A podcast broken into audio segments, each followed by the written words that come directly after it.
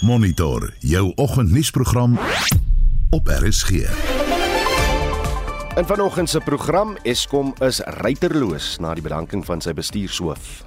As daar koppe moet rol, moet dit aan die politieke kant rol.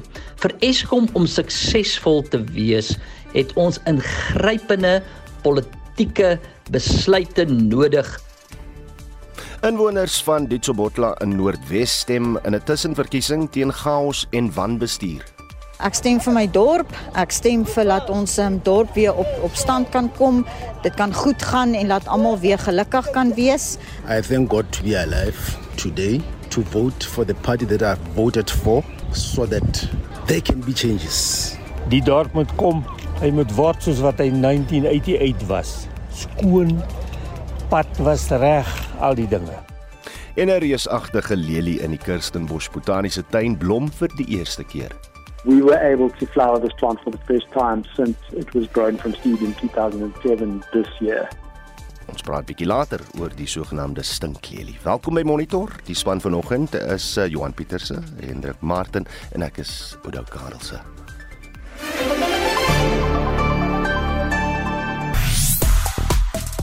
What is in a name that we that which we call a rose by any other name would smell as sweet. So skryf William Shakespeare en dit beteken dat dit wat ons 'n roos noem, sal onder enige ander naam net so lekker ruik. In die geval van die reuse aronskalk is dit egter nie waar nie. Die eksotiese en skaars blom uit die ooste het 'n stank soos 'n onbindende karkas sodat dit deur brommers en vliee bestuif kan word. Daar is 'n reuse aronskalk in Kirstenbosch wat op die oomblik blom. En dit laat mens wonder, watter reuke en smake uit jou kinderjare of later in jou lewe simboliseer vir jou dat Kerstyd. En vanoggend se sport, Frankryk is deur na Sondag se sokker wêreldbeker eindstryd teen Argentinië. Lara van die Kerk dring deur na die 100 meter borsslag finaal by die wêreldkortbaan kampioenskappe in Melbourne en ons vroue hokkiespan verloor hulle kragmeting teen Indië by die Nasies Liga in Spanje. Ek is Shaun Schuster vir RSG Sport. Op Twitter is die hitsmerk Eskom al meer as 43000 keer gedeel. Dit kom nadat die bestuurshoof Andrei de Ruyter sy bedanking ingedien het. Ek is later weer terug met nog nuus uit die Twittersfeer. So wat simboliseer vir jou dat Kerstyd om die draai is as dit nou kom by die eh, reuk en smake uit jou lewe as 'n jong persoon of miskien later in jou lewe? Stuur vir ons 'n SMS na 4588919 R50 per boodskap. Jy kan ook saampraat op die uh, Monitor en Spectrum Facebook bladsy of stuur vir ons 'n WhatsApp stemnota na 0765366961.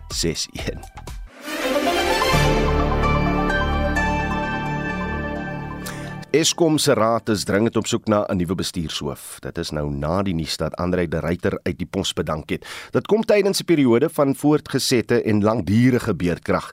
Daar was toenemende druk dat de Ruyter moet bedank. De Ruyter is in Desember 2019 as Eskom se bestuurshoof aangestel. Ons praat nou hieroor met die energiekenner Ted Blom. Ted, goeiemôre. Haai, goeiemôre. Het jy krag by die huis en wat is jou reaksie op sy bedanking? Ja, nee, ek dink uh, ek ek is bly om te hoor van sy bedanking want uh, ek dink is drie verspilde jare. Hy was daar was baie geleenthede om Eskom reg te ruk en uh, dit was almal verspeel ongelukkig oor die laaste 3 jaar wat net ryter daar was. Hoekom sê jy so? Ehm um, uit die aard van die saak het hy begin op 'n goeie trant en uh, met goeie gedagtes. Hy het het dit het uh, dink ek met die Eskom bestuur gepraat en geraadpleeg. En toe word sy brein gekaap want hy sê toe in plaas van om al die uh, ou ou uh, toerusting en gebreekte toerusting uh, reg te maak en uh, het hy besluit om eers die geld in hernubare krag in te sit.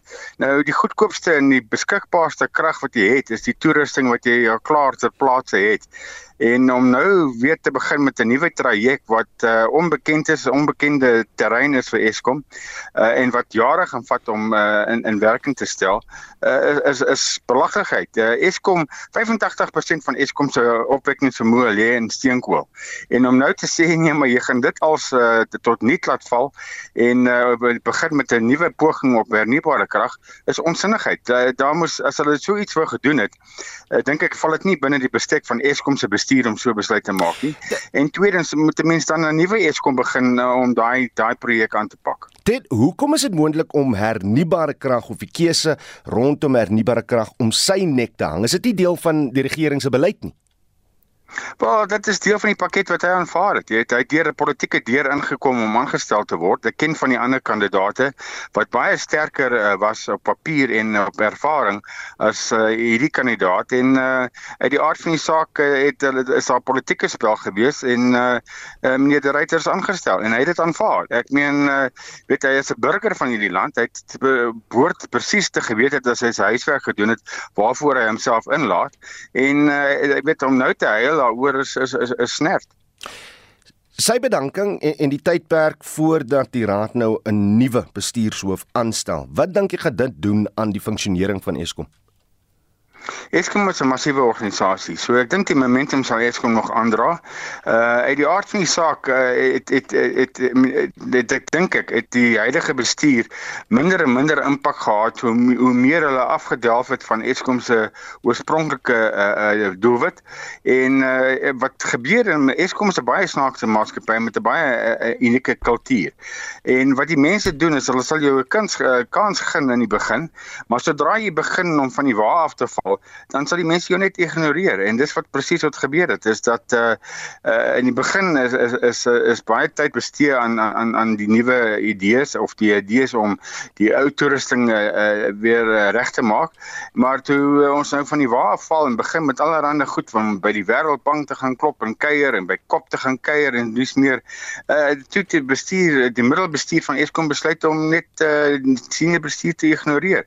En dis hoekom ons gesien het dat uh die die die die uh, stel en en al die goed van die wa geval het. Hmm. Ek meen uit die aard van die saak is is by onder andere, ek meen is is is 'n uh, oortyd gesny. Uh sommer van die van bo tot onder. Nou die meeste van die Eskom herstelwerk vind na ure plaas. En wat die bestuur toe besluit het, die middelbestuur wat verantwoordelik is vir hierdie tipe werk, het net besluit, kyk, as ons nie oortyd betaal word nie, is daar geen manier dat ons oor naweke en oornag hmm. uh die toesig gaan doen by die kontrakteurs wat die herstelwerk gedoen het. So my inligting is dat 90% van die herstelwerk wat gedoen is sonder Eskom toesig gedoen is en dis hoekom dit om heeltyd uh, platgeval het. Ek, ek sien die voormalige bestuurshoof, geskorste voormalige bestuurshoof Matsela Kokko het reeds op uh, Twitter sy dienste aangebied. Hy het selfs gesê dat beerdkrag binne 6 tot 12 maande iets van die verlede kan wees. Is dit moontlik? Uh, ek dink dat uh, as as die as die politiek politici hulle neus uit die ding uithou en Eskom uh, sy oorspronklike mandaat het om krag te voorsien aan almal uh, op 'n standhoudige basis uh, en hy kry die regte span het dink dink ek ja dit dis dis baie moontlik ek meen uh, die eerste area waar hy, hy sal begin is om die steenkool uh, uh, aankope uh, reg uit te sorteer. Uh, dit is iets wat meneer Reiter gesê het hy gaan self doen en uh, en gefaal het. Hy, hy het in 10 ons in die laaste 6 maande gesê dat die syndikaate so sterk dat hy dit nie te bowe kan kom nie. So ek dink uh, daar kan 'n noemenswaardige, ek dink die beerdkrag gaan heeltemal afgestel word nie en die herstelwerk gaan 'n paar jaar vat, uh, ten minste 3 tot 5 jaar hmm. en 'n uh, 'n termyn begroting uh, waarvan De Ruyter 80 miljard rand verspeel het. Ehm um, so ek is daai geleenthede en die die die klimaat reg is uh, uh, en meneer Kokko nie 'n pen gegee word om onsinnige kontrakte te teken nie. Dink ek hy, hy kan 'n baie noemenswaardige bydrae maak. Ja, absoluut. Ek meen tegnies is hy een van die top bestuurders wat Eskom nog ooit uh, voorgebring het. Sou jy as Ted Blom bereid wees om die werk te doen? Man, ek is te oud en ek sit met gesondheidsprobleme, maar ek het uh, al klaar uh, van tevore uh my dienste aangebied om, om onder andere die steenkool wat die termyn termyn uh, probleem is in Eskom vir hulle uit te sorteer. Dit is my vorige portefeulje en ek is bewus van baie korrupsie. Inteendeel, ek het in 2006 toe ek vir die derde keer terug was by Eskom die korrupsie oopgevlek. Ja. Maar uh jy weet ek het nie uh, politieke samewerking of ondersteuning gekry nie. So dit is ek sê, dit is afhangend van die politisie wat hulle neuse uit die ding uithou en uh ek weet 'n sterk bestuur uh, wat uh, wat uh, respek afdwing by Eskom. Uh en dit gaan jy net kry van mense wat die regte vaardighede het en wat 'n uh, Eskom kundigheid het. Uh, jy kan nie 'n buitestander daarin laat val en uh, ek dink hy kan hier in gebied en dinge gaan gebeur nie. Was... So ja, ek kan adviseer, maar ek is nie in stand om my uit, uitvoerende posisie uh, heidaglik uh, te aanvaar nie. Goed dankie Ted Blom waardeer die tyd hier op monitor. Hy's natuurlike energiekenner. Ons bly by die onderwerp en praat nou met die bestuurshoof van Solidariteit Dr Dirk Herman. Dirk, goeiemôre. Goeiemôre. So Andre de Ruyter het uh, nou bedank uh, as mense ook in gedagte hou dat Jan Oberholz in April volgende jaar gaan aftree. Wat is julle reaksie op wat met met die bestuur van Eskom tans gebeur? Ja, kom ons begin eers om te sê dat dit die verkeerde persoon is wat bedank het. Ehm um, Andre de Ruyter, ek het hom die afgelope tyd baie goed leer ken. Hy het uitstekend gedoen. Ek was ongelooflik beïndruk met hom en Jan die kombinasie. Bewaar dit te sê ek sou vir hom en Jan eintlik kroon as uh ehm um, hedendaagse helde. Hulle het regtig baie goed gedoen. Ek het verskriklik waardering um, vir hulle. Die probleem is op hierdie stadium dat ons het nie die politieke wil in die land om Eskom strategies te verander nie. Ek het die bedryfswil van die uitvoerende hoof gesien, maar dit was nie die probleem. Die probleem is die politieke wil van die regering. En dit het ook eintlik um, daarna verwys dat die probleem is werklik aan die politisie se kant. Ehm um, so wat nou gedoen word, is sondebok word gesoek, maar die sondebok word vir op die verkeerde plek gesoek. So ehm um, in plaas van om die regte doen te doen met Eskom gebeur dit nou dat die ryter eintlik ter wille van die politiek geoffer word. So ehm um, die probleem is dat die ryter moes heeltyd deur politieke stroop swem. En ironies genoeg, die oorsaak van die probleem is die politiek en swak politieke besluite. Onthou, die regering is die mandaatgewer van Eskom en die ingrypende besluite wat geneem moet word om Eskom om te draai lê daar.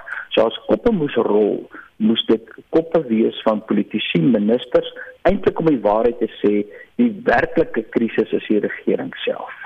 Nou net met Ted Blom gepraat en ek seker jy het geluister en wat hy te sê gehad het. Hy sê as dit kom by hernubare krag, dit was waansin vir die ryter om net ja te sê vir wat die regering wil doen uh ten opsigte daarvan. En en hy sê ook verder dat die ryter miskien nie so suksesvol was in die in die amp nie.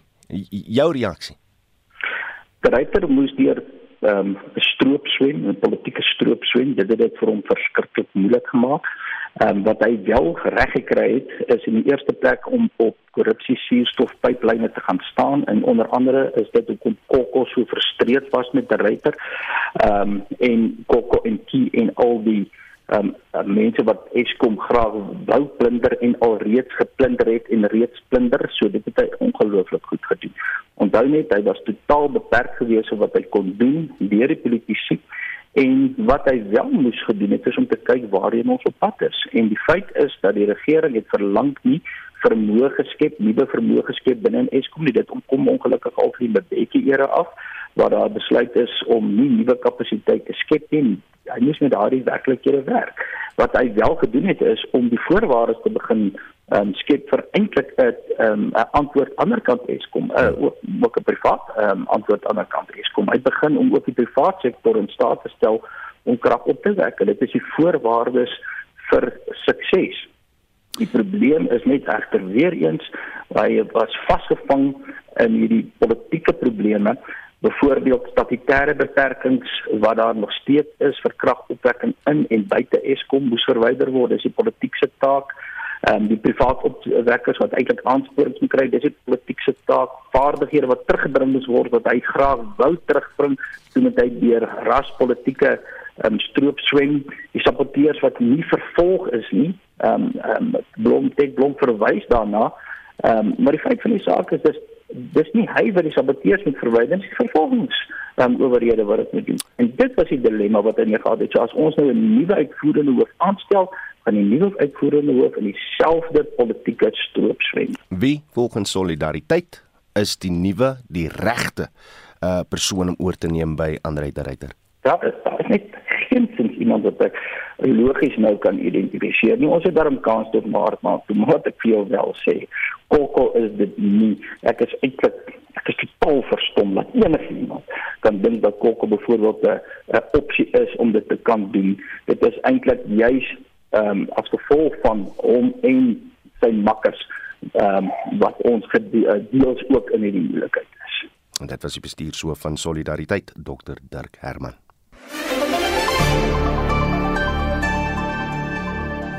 President Cyril Ramaphosa het die Wes-Kaapse regter president John Kloppe geskort. Die regterlike dienste kommissie het vroeër bevind dat Kloppe twee konstitusionele regters probeer beïnvloed het om hulle ampseed te oortree ten gunste van die voormalige president Jacob Zuma. Die presidentsie sê in 'n verklaring dat die RDK dit bevestig het dat Kloppe se gedrag die onafhanklikheid en onpartydigheid van die regbank in gedrang gebring het. Dit het ook die publiek se vertroue in die stelsel geskaad. So sê die woordvoerder van die presidentskap, Vincent Magwenya. Due to the long history and complexity of the matter, President Ramaphosa took time to carefully consider all the permutations of the JSC recommendations, including obtaining guidance from an independent legal opinion. The president fully appreciated the need to balance Judge President Lopez's rights with those of the public and the interest of the judiciary as a whole. Magwenya sê hoewel die skorsing onmiddellik is, Slope eers sy werk kan afhandel. In order to ensure continuity and stability in the work of the Divisional High Court, the suspension which is in effect immediately is on condition that Judge President Slope completes all part heard matters and reserved judgments.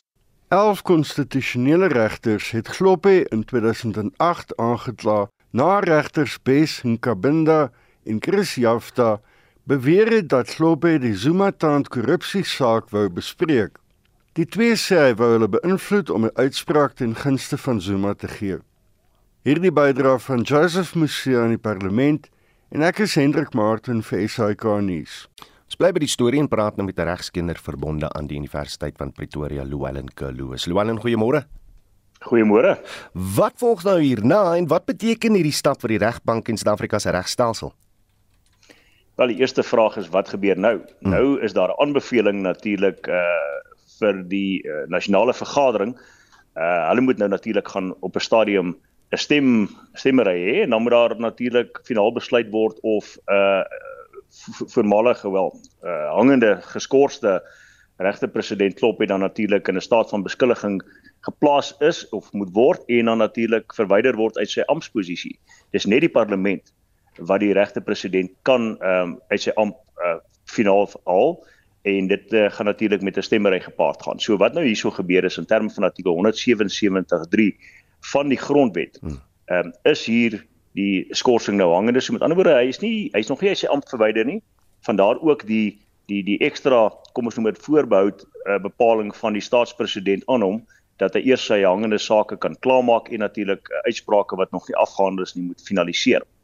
Maar uh jy weet ons kan miskien daaroor ook 'n woord praat mm, want ek mm. meen dit dit dit op sigself is bietjie problematies want nou sit jy met die situasie dat ons 'n uh, 'n regte president het wat uh, nog steeds gaan voorsit op van die sake wat deels verhoorde sake is en uh, des meer in sake wat nog nie uh, uitsprake opgelewer is nie. Maar terselfdertyd het nie net die regtelike dienskommissie nie maar ook nou die staatspresident dit gevoel dat hy nie bevoeg is om verder in sy ampt te dien nie. Met ander woorde dat hy nie geskik en gepas is om as regter verder op te tree nie. En ek kan my goed indink dat 'n klomp uh litigante uh jy weet hierdie aspek gaan uitbuit hmm. of ten minste iets daarmee gaan doen en gaan sê maar wag ons wil nie daai regter moet voortgaan met ons sake nie. Hmm. Inteendeel, uh hy het ons reeds benadeel net die feit dat hy uh jy weet dat hy al so lank uh onder uh, die vergrootglas is. Onthou hierdie saak kom van 2008 af. Met ander woorde vir 14 jaar min of meer sukkel ons om van hom ontslae te raak. nou ja, die tweede vraag was wat beteken dit vir die regstelsel in die algemeen? Wel, my persoonlike opinie is dat dit 'n uh, wonderlike dag is vir die regstelsel. Ehm um, hierdie saak het hopeloos te lank uh ons regstelsel in 'n skaduwee gesit van uh jy weet van vraagtekens en uh dit is nie goed vir 'n regstelsel as jou regte president by die hoogste amp in daardie provinsie se hooggeregshof is dat daardie persoon baie kontensieus is en dat uh jy weet daar uh al hierdie hangende vraagtekens oor hom oor sy voortbestaan as regte president bestaan nie. So dit is 'n goeie dag. Uh, ek dink ons het 'n bietjie van 'n vroeë Kersgeskenk gekry van 'n regstelsel perspektief af. Ehm um, daardeur wil ek nog glad nie sê dat dit die finale uh, doodskoot is vir hom nie, maar ons gaan nou maar sien wat die nasionale vergadering doen. Uh, hulle sit natuurlik eers weer in volgende jaar en ek kan nie dink daar gaan vroeg uh, binne die volgende paar dae 'n finale besluit oor sy toekoms gemaak word nie. Dit was die regskenner verbonde aan Universiteit van Pretoria, Llewellyn Kaloos. Die Verenigde Koninkryk het geleenthede vir onderwysers van Suid-Afrika, Ghana, Zimbabwe en Nigerië wat gelyke kwalifikasies as Britse onderwysers het en reeds al 'n jaar skool gehou het om daar te kan werk. Die aanbod is ook aan onderwysers van Oekraïne, Singapore, Jamaica, Indië en Hong Kong as deel van die gekwalifiseerde onderwyser statusprogram. Ons praat met 'n kundige in die opleiding van onderwysers, professor Sarah Sarah Gravett. Sarah, goeiemôre. Goeiemôre. In 'n in 'n verslag van die University College in Londen word daar gesê dat daar in April 6700 vakante poste was wat die meeste tot dusver was. Hoekom is daar soveel vakante poste in in die Verenigde Koninkryk? Ja, dis 'n goeie vraag. Daar is waarskynlik verskillende redes. Uh en van die redes wat ek teëgekom het is onder andere dat die ehm um, status van onderwysers in die in Engeland is maar baie soortgelyk aan die in Suid-Afrika is nie baie hoog nie.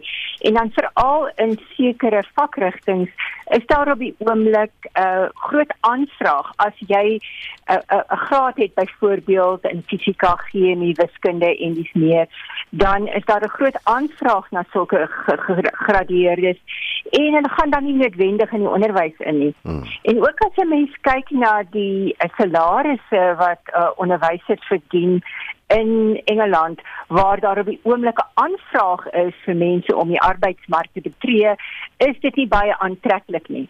Ek het ook verder gelees dat ehm um, daar gesê word dat daar nie genoeg saam in onderwys belê word in die in uh, Engeland nie en dat dit daarom daartoe lei dat daar baie hoë werkslading is vir onderwysers en dit nie noodwendig vir hulle aantreklik is nie.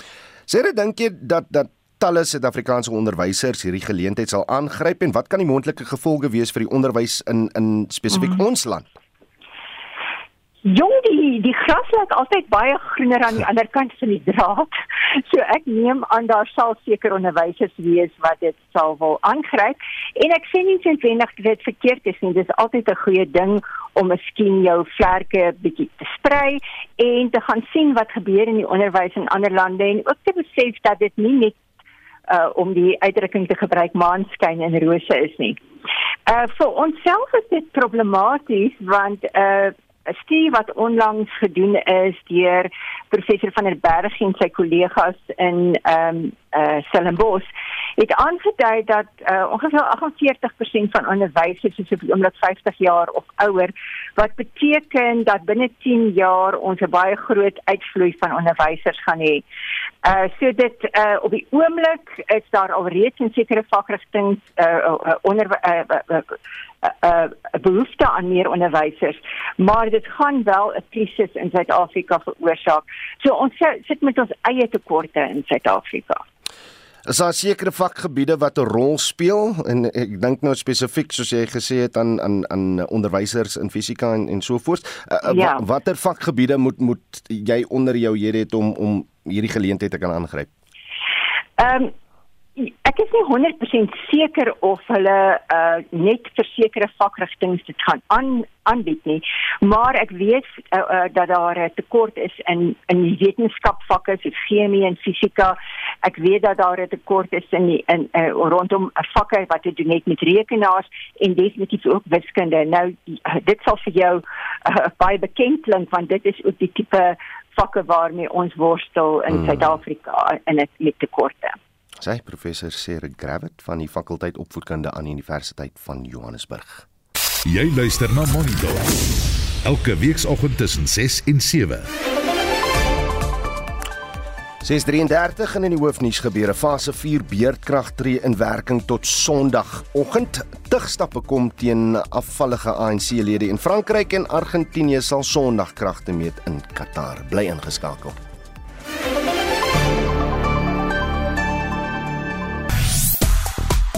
Vanoggend vra ons die vraag watter reukensmake uit jou kinderjare of later in jou lewe simboliseer Kerstyd vir jou. Op Facebook so 'n lieflike boodskap van Petronella van Heerden Botma wat sê gemmer Ek het op 'n plot groot geword en elke Kerstyd het uh, mamma ekstra gemmerkoekies gebak en ekstra gemmerbier gemaak wat ons dan aan uh, mense op Kersdag uitgedeel het. In groot geheim sê sy want dit was ongehoord. Dit was in die 50s, sê sy. En die reuk van Kersvet gemeng met uh, eter vloerpolitoer, bloed en spiritus laat my terugdink aan my opleiding as verpleegster. Ons het altyd uh, ou kers aan, dokters en verpleegsters, die sale ingevaar met elkeen 'n kers en kersliedere gesing uh, van saal na saal net voor 12 middernag op Kersdag. Wat 'n mooi herinnering, sê sy. En Esther Boshoff sê sonder twyfel katjie piering vir my. Daar het 'n bos onder my kamervenster in Pretoria gegroei. Gedurende Kerstyd het dit uh, oorvloedig geblom en my sentimentele jong meisie hart diep ontroer. As jy ook wil deel, stuur 'n SMS na 4588919 R50 per boodskap. Jy kan ook saampraat op die Monitor en Spectrum Facebook bladsy of 'n WhatsApp stemnota stuur na 0765366961.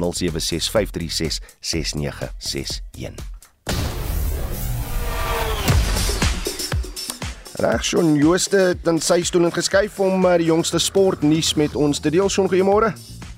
Goeiemôre Oudo. Soos ons nou in die nuusbulletin gehoor het, Frankryk deur na Sondag se sokker wêreldbeker eindstryd teen Argentinië. Ons kan maar sê is seker maar die twee beste spanne in die toernooi wat nou in die finaal kragte gaan meet, nê? Ja nee, verseker Frankryk het natuurlik Marokko gisterand in die tweede halfeind met 2-0 geklop danksy doele deur Theo Hernandez en Randall Colomwani. Frankryk kan die eerste span sedert Brasilië 1962 word om hulle titel suksesvol te verdedig. Dit is hulle derde uh, keer in 'n eindstryd en Argentinië sal nou hulle 6ste keer in 'n eindstryd speel. En beide van hulle is tweemalige kampioene en onthou die eindstryd skop Sondagmiddag 5uur Suid-Afrikaanse tyd af. Hoe lyk dinge vir Suid-Afrika in die swembad by die Wêreldkortbaan Kampioenskap in Melbourne? Ons swemmers kon nou nie enige medaljes op dag 2 verower nie, maar daar is nog heelwat tyd oor met die kampioenskappe wat eers Sondag tot 'n einde kom. Pieter Kutse was 4de in die 100 meter rugslag en Chadley Clough 5de in die 50 meter vlinderslag finaal. Lara van die Kerk is deur na vanoggend se 100 meter borsslag finaal en dit is so rondom 11:37 Suid-Afrikaanse tyd. En Suid-Afrika het dag 2 gesamentlik 5de op die medaljelys geëindig. Australië, die VSA en Italië is die top 3. Ja, as ons kyk na wat in die cricketwêreld gebeur, ek kan nie wag om te sien wie in hy 11tal vir Suid-Afrika teen Australië in die eerste toets gaan wees nie, maar ek verstaan dat eh uh, Nieu-Seeland nou 'n nuwe cricket toetskaptein het. Ja, na 6 jaar het Kane Williamson besluit om sy toetskapteinskap op te gee. Hy bly wel aan as eendag en T20 kaptein. Die snelbouler Tim Southee is nou aangewys as Nieu-Seeland se nuwe toetskaptein. Dan kyk ons ook net na 'n paar ander uitslae en wedstryde wat aan die gang is. Dit is eh, dag 2 van die eerste toets tussen Bangladesh en Indië. India golf eerste die dag op 278 vir 6 begin die telling so kort rukkie gelede 305 vir 7 dan in gister se plaaslike momentum eendag reeks het die Warriors met 6 paaltjies teen die WP en die Titans met 2 paaltjies teen die Dolphins geseëvier. Die Lions het die Noordwes Drake met 133 lopies oorrompel en dan het die Knights met 85 lopies teen die Rocks verloor. En dan sluit ons af met 'n bietjie hokkie waar uh, daar nog frustrasie was vir in die Nasies Hokkie Liga in Spanje vir ons vroue Protea span. Ja, na 2-1 nederlaag teen Japan en Chile het Suid-Afrika ook hulle laaste groepswedstryd teen Indië met 2-0 verloor en ek moet sê die telling kon baie groter gewees het was dit nie vir die doelwagter Anel van Deventer nie. Sy was absoluut uitstekend tydens die toernooi. Suid-Afrika speel môreoggend 10:00 teen Italië en dit is in die uitspelwedstryde vir die 5de tot 8ste plekke. Shaun Jooste daar van ons sportredaksie. Wetenskaplikes in Israel sê hulle het daarin geslaag om die genetiese kodes van henne so nou, tot so 'n mate te redigeer dat slegs vroulike kuikens uitgebroei word. Dit vorm deel van pogings om die massa uitdunning van hane omdat hulle nie eiers lê nie te verhoed. Marlene Forsie het vir ons meer besonderhede. Die navorsing is gedoen aan die Volcani Instituut vir Landbounavorsing in Tel Aviv en wetenskaplikes meen die redigering op die gene kan nie raak gesien word in henne wat hieruit voortspruit nie. Nou professor Glenn Cowan is die direkteur van Harvard se Petri Flam Sentrum vir Gesondheidsbeleid, Biotehnologie en Bioetiek. Hy het in 'n onderhoud met die BBC gesê dis nie noodwendig uniek nie. So we've had sex selection in other kinds of reproductive activities. With bulls, for example, we use sperm sorting. There are ways of doing sex selection among human reproduction in terms of selecting gametes or also sperm sorting. And it's possible that this technology might be used elsewhere in the animal world or maybe someday in the future potentially thinking about human applications. Uit 'n etiese oogpunt is daar hoofsaaklik twee vraagstukke. There's a concern uh, about messing with nature, about changing the way our, we have a relationship with the natural world, showing a kind of uh, mastery. In terms of the means, gene editing, there is a concern about whether this alteration will be carried forward to future generations. They seem to have tested that, and their claim is that it will not. It also concerns about a slippery slope that the more we normalize the editing of animal life, including the life we consume, the more likely it is we'll become comfortable with doing it for human life. Met vooruitgang in die wetenskapsrigting bly die vraag wie monitor dit. Currently, in terms of human gene editing and heritable genome editing, we have significant restrictions all over the world. But as we saw uh, with the case of Dr. He in China, it's not always enforced as rigorously everywhere in the world. When it comes to the animal, here we do see quite a patchwork and difference in terms of what the rules are and what kinds of authorities have to take a look before something can go forward. And I should emphasize that even in the UK, right, it's not clear yet whether this kind of edit done to a chick would make its way into the food supply without many further steps. Dit was professor Glenn Cowan, die direkteur van Harvard se Petri Flam Sentrum vir Gesondheidsbeleid, Biotehnologie en Bioetiek. Ek is Marlene Forsie vir SAK nuus. Afrika moet kennis neem van die oorlog tussen Rusland en Oekraïne. So waarsku professor Abel Esterhuise van die Universiteit Stellenbosch se fakulteit krygskunde in 'n onlangse artikel oor die konflik. Ons praat nou met hom. Abel, goeiemôre. Goeiemôre. Jy jy brei mooi uit in jou artikel oor Rusland, China, die Weste en Afrika. Watter invloed dink jy sal die oorlog in Oekraïne op Afrika hê? Ja, ek het 'n paar uh aspekte uh tipe van klem opgeplaas. Die eerste is natuurlik dat Afrika nie die realiteite van groter orde geopolitiek kan ontsnap nie. Ehm um, die tweede aspek wat ek wat ek uitgewys het is natuurlik die realiteit van sogenaamde proxy oorloë wat weer hulle verskyning gemaak het en wat in Afrika natuurlik baie vernietigend was tydens die Koue Oorlog. Ehm um, en dan natuurlik, jy weet Afrika kan die kan nie die ekonomiese realiteite van die oorlog uh ontsnap nie. Dit gaan 'n beslissende effek hê. Ehm um, en ook uh jy weet uh, oorlog in Afrika en dis uh, tipe van ehm um, 'n vergelykende realiteit hoe die oorlog in Oekraïne mense raak en hoe mense in Afrika ook deur deur oorlog geraak word. Ehm um, met die verskil dat in Afrika het ons nie die vermoë om vlugtende mense te kan absorbeer soos dit in Europa gedoen is met die met die Oekraïners nie. En dan laastens, jy weet, ehm um, die die diep menslike en en politieke aard van oorlog wat uh, 'n mens ook nie kan miskyk nie en wat besig is om uit te speel in die Oekraïne en wat ook in Afrika aan die orde is uh, wat 'n mens ook nie kan kan ontken nie. Joe Biden, die Amerikaanse president het hierdie week 'n uh, uh, beraad gehou met Afrika leiers. Uh, wat dink jy sou daar gebeur het in die konteks van hierdie oorlog tussen Rusland en Oekraïne? Wel, dit is tipies uh van die geostrategiese realiteite wat ek dink baie duidelik besig is om uit te speel en daar's twee belangrike uh, aspekte dink ek wat uh, 'n uh, mens hier aan moet aandag gee. Die eerste is hoe die weste in die algemeen Europa, maar spesifiek uh, die FSA na die Koue Oorlog uh, tot 'n groot mate toe ehm um, weggetree het uh, en en uh, nie regtig veral ekonomies by Afrika betrokke wou raak nie en by betrokke was in Afrika nie en hoe ons gesien het dat China en en Rusland se invloed uh aansienlik uitgebrei het uh in in Afrika. En dan ook uh, uh dat 'n mens waarskynlik as jy na die toekoms kyk, ehm um, 'n situasie gaan sien waar daar groter kompetisie vir Afrika se hulpbronne gaan wees en waar die die Amerikaners hulle self waarskynlik beter wil posisioneer vir betrokkenheid in Afrika en ek dink 'n mens moet dit teen daardie twee aspekte sien, een histories en tweedens uh toekomsrealiteit. Die die oorlog in Oekraïne word ook as 'n proxy oorlog uh, gesien as uh, of tussen Rusland en die weste gesien. En ons verneem Amerika oorweeg dit om uh Patriot missiel verdedigingsstelsels aan Oekraïne te verskaf. Is dit 'n voorbeeld van van hierdie proxy oorlog? Ja, uiteraard. Uh weet die die die belangrike aspek rondom uh 'n proxy oorlog is maar wat wat hulle na verwys is as plausible deniability. Met ander woorde, die vermoë van state om druk en invloed uit te oefen sonder om direk betrokke te wees by die oorlog om die oorlog te eskaleer of verantwoordelikheid te aanvaar noodwendig vir die oorlog en uh die die voorsiening van wapentuig deur die weste is maar uh, is 'n baie baie goeie voorbeeld van presies wat ons sien in 'n in 'n proxy oorlog. En dis ehm um, jy weet ons het dit dwars deur die koue oorlog gesien in Korea, Vietnam, uh, Afghanistan, Angola.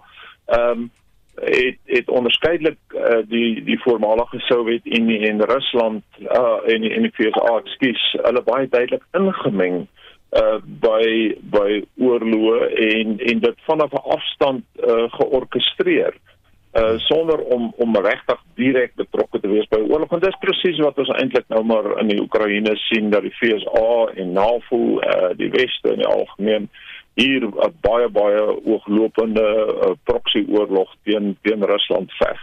Wie wie albel na al hierdie tyd en ons het nou soveel geselsies gehad hieroor, vind ek dit nog steeds so moeilik om om die onderskeid te trek tussen direkte betrokkenheid by uh, in oorlog en en die verskaffing wat van wat nodig is om 'n oorlog te voer. Ja, dis 'n baie moeilike skeidslyn en ehm um, jy weet uh, ek ek twyfel nie 'n mens moet dat dat jy enigsins moet twyfel dat hier die oorlog is in vir alle praktiese doeleindes 'n oorlog tussen NAVO en en Rusland nie. Uh, en 'n mens moet moet hier dan jy weet ook spekuleer ehm um, soos my kollegas gedoen het Sondag aand met Spectrum oor die hele gedagte van die wen van 'n oorlog en uh, anders as hulle sal ek baie versigtig wees om myself hier uit te spreek oor uh die die die toekoms en hoe hierdie oorlog gaan uitspeel want hier is so baie veranderlikes ter sprake as ons wil praat oor die uitkoms van die oorlog. Uh, Rusland kan miskien met groter grondgebied uh opeindig in die Oekraïne maar die ekonomiese koste wat hy gaan betaal die internasionale aansien uh die die vergroting en versterking van NAVO wat wat as uitvloeisel van die oorlog na vore gekom het dat mense regtig met 'n vraagteken plaas en baie versigtig moet omgaan met die idee van wie het dan nou eintlik en wie is op pad om hierdie oorlog te wen en dit was professor Abel Estreise van die Universiteit Stellenbosch se fakulteit krygskunde. Die enigste bekende spesies van die Titanarm of lijklelie het sedert maandag aan tot gister in die Stellenbosch Universiteit se botaniese tuine geblom. Die kurator van die tuin, Dr. Donovan Kirkwood, sê die plante soos 4000 ander in die tuin baie skaars. Die lelie ryk soos 'n mens se lijk. Mitsi van der Merwe doen verslag.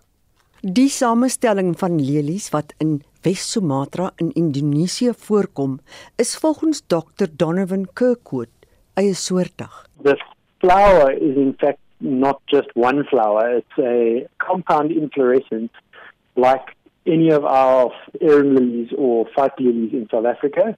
The individual flowers are actually very small and they sit along that big spike in the middle. So it's actually technically not a flower, it's technically an unbranched inflorescence. The significance of it is that this plant is really a flagship species for endangered plants globally. Die natuurlike habitat is spesifiek and it grows only in sort of secondary forests, forest clearings, on limestone hills in that landscape. And because of massive transformation of the natural habitat by logging and oil palm plantations, there are now less than a thousand individuals left in the wild. So there are literally hundreds of thousands of plants around the globe that are equally threatened, but this one is one that really gets people's attention, and it's a great way to tell the stories of habitat loss around the world, but also in our immediate environment in South Africa also. Die reuk van 'n dooie mens of dier se doel is om sekere insekte te lok. The scientific name is Amorphophallus titanum, but it usually goes by the English names, which would either be corpse flower or Titan arum. The Titan name is, of course, a reference to the giant Titan, and corpse flower, of course, is a reference to a dead thing. And the reason it smells is because that is how it attracts its pollinators. It tricks carrion eating beetles and flies that would normally lay their eggs in dead animals into coming to the plant in order to find a dead animal. And in reality, they're just being tricked and they find this plant that's pretending to be a dead animal. Die lelie is so goed aangepas dat dit die hittegraad van 'n dier se karkas kan naboots. Across the world, plants that are unrelated to each other from many, many different lineages have actually independently evolved this use of carrion smell to attract, to trick pollinators to come to them because they think it's a dead animal and then carry pollen to another plant that also smells the same. Die plant is verlede jaar in 'n ander pot geplant. Into a refreshed growing medium with a lot more food and in the previous 12 month cycle, we saw a really amazing three meter high leaf come out of the bulb. But we've had a few moments where we thought we were going to get a flower and it was just a leaf bud. These plants are quite interesting because they go dormant for a few months, then they pop out this giant leaf or occasionally a giant flower. And we were able to flower this plant for the first time since it was grown from seed in 2007 this year. Die aandag aan die plant is spesifiek en die kos moet funksioneel wees. We use a mix of milled decomposed pine bark growing medium mixed with perlite and free draining sand, which is a sort of an artificial way of mimicking a free draining, well nutrient supplied environment. And then we also use a very special, uh, complete coated multi nutrient slow release fertilizer in the pot at the same time. Die plant blom vir 'n kort ruk. It's already looking like it's on its way out after only 24 hours. So I think we're on the downside of the cycle already. It started opening fully on Monday evening. It was open all day yesterday on Tuesday, and it's looking like it's closing up again today on Wednesday. Dr. Donovan Kirkwood is die kurator van die Stellenbosch Botaniese Tuin. Mitsi van der Merwe SAK nuus. Dis nou tyd vir die jongste wêreldnuus en 'n 30 dae lange noodtoestand is in Peru aangekondig nadat president Pedro Castillo in 'n staat van beskuldiging uh, geplaas is, uit sy pos verwyder is en in hegtenis geneem is. Hy het probeer om die land se kongres te ontbind. Die verwikkeling het gelei tot gewelddadige massabetogings, maar hy verseë het meer besonderhede. Die weermag is ontplooi om die polisie te help om betogers uiteen te jaag want hulle het baie die aanloopbane by lughawens en ander kritieke infrastruktuur versper.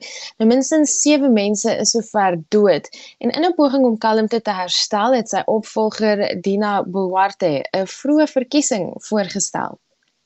Que mantengamos la calma. We must remain calm.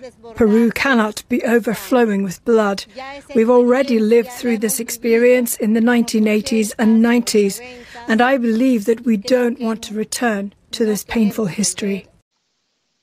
Intussen bly inwoners ontstoke en eis Castillo se vrylating. Dina Boluarte is not our president. Let the people elect her. Then I will recognize her. But the people didn't elect her. The people elected Pedro Castillo, and he is our president. Maar hy bly in aanleiding en kan te staan kom teen aanklagte van onder meer sameswering teen die staat. Vroue in Suid-Korea is intussen bekommerd oor hulle regte na president Yoon Suk Yeol se belofte dat hy die departement van gelykheid gaan sluit. Ja, dan en Noord-Korea, is een van die wêreld se rykste lande, maar die salarisgaping tussen mans en vroue hier staan kop en skouers uit bo ander ryk lande. Onderdrukking in die werksplek is ook alledaags. Nou Juna is een van die vroue met wie die BBC gepraat het. Sy het byvoorbeeld haar klerkskap by 'n bank begin, maar sy is nie toegelaat om dit te doen waarvoor sy aangestel is nie. Sy is aangesê om middagete te maak en die handdoeke van die mansbadkamer te was. They said this felt to me as the newest female member of staff. I said wouldn't it be better for the men to wash the towels in their bathroom? But my boss said, How can you tell men to wash towels? I politely said no, but my boss got very angry and started to torment me. Nou daar word sametrekke gehou vir jong mans wat voel dat hulle bedreig word deur die vordering in gelyke regte vir vroue en dis juist hulle by wie die president nou vlerk sleep. Die departement wat hy wil sluit, help vroue soos Anna wat deur een van haar professore verkrag is om geregtigheid te kry en sy sê die einste departement het haar lewe gered. 그 병원까지 갔는데 그 병원 I went to a hospital which was supposed to support victims of crime. The doctor there heard my case and said I was delusional. It was heartbreaking. 그때 되게 너무 가슴 아팠어요. Five months later, I tried to kill myself. 이후에 이제 5개월 뒤에 제가 목을 맸었어요. Nou die departement van gelykheid se minister het gesê dat daar beslis meer werk gedoen moet word om gelykheid vir vroue in die land te bevorder, maar dit kom voor asof daar nog 'n lang pad voor lê vir geslagsgelykheid in Suid-Korea. En dan Marlene net vinnig na die sportveld. Frankryk uh, het Marokko gisteraand uh, uit die FIFA Wêreldbeker toernooi se finale ronde uitgeskakel. Het koning gekraai met 'n eindtelling van 2-0. Ja, Marokko is die eerste Afrika land wat kon deurdring tot die semifinale ronde. So dit is 'n bittersoet oomblik vir mense in Marokko. Unfortunately, France scored since the beginning. We lost our captain in the first 20 minutes, but still we managed to fight. We managed to fight until the end. All players they play good. They really try, but they were tired. A lot of games, a lot of stress of uh, the whole the whole game, the whole World Cup. I think, yeah, Team Maghreb. That means always Morocco. En hoewel die Franse baie gelukkig is, is daar ook gemengde gevoelens oor hierdie uitslag. It's huge and twice in a row. That's rare. Didier Deschamps becomes a legend, even more than he is now. That would be crazy, just crazy. I was scared until the first goal, but the rest of the match was complicated until we scored the second one. And that was a relief. I was from Morocco, so I'm a bit disappointed.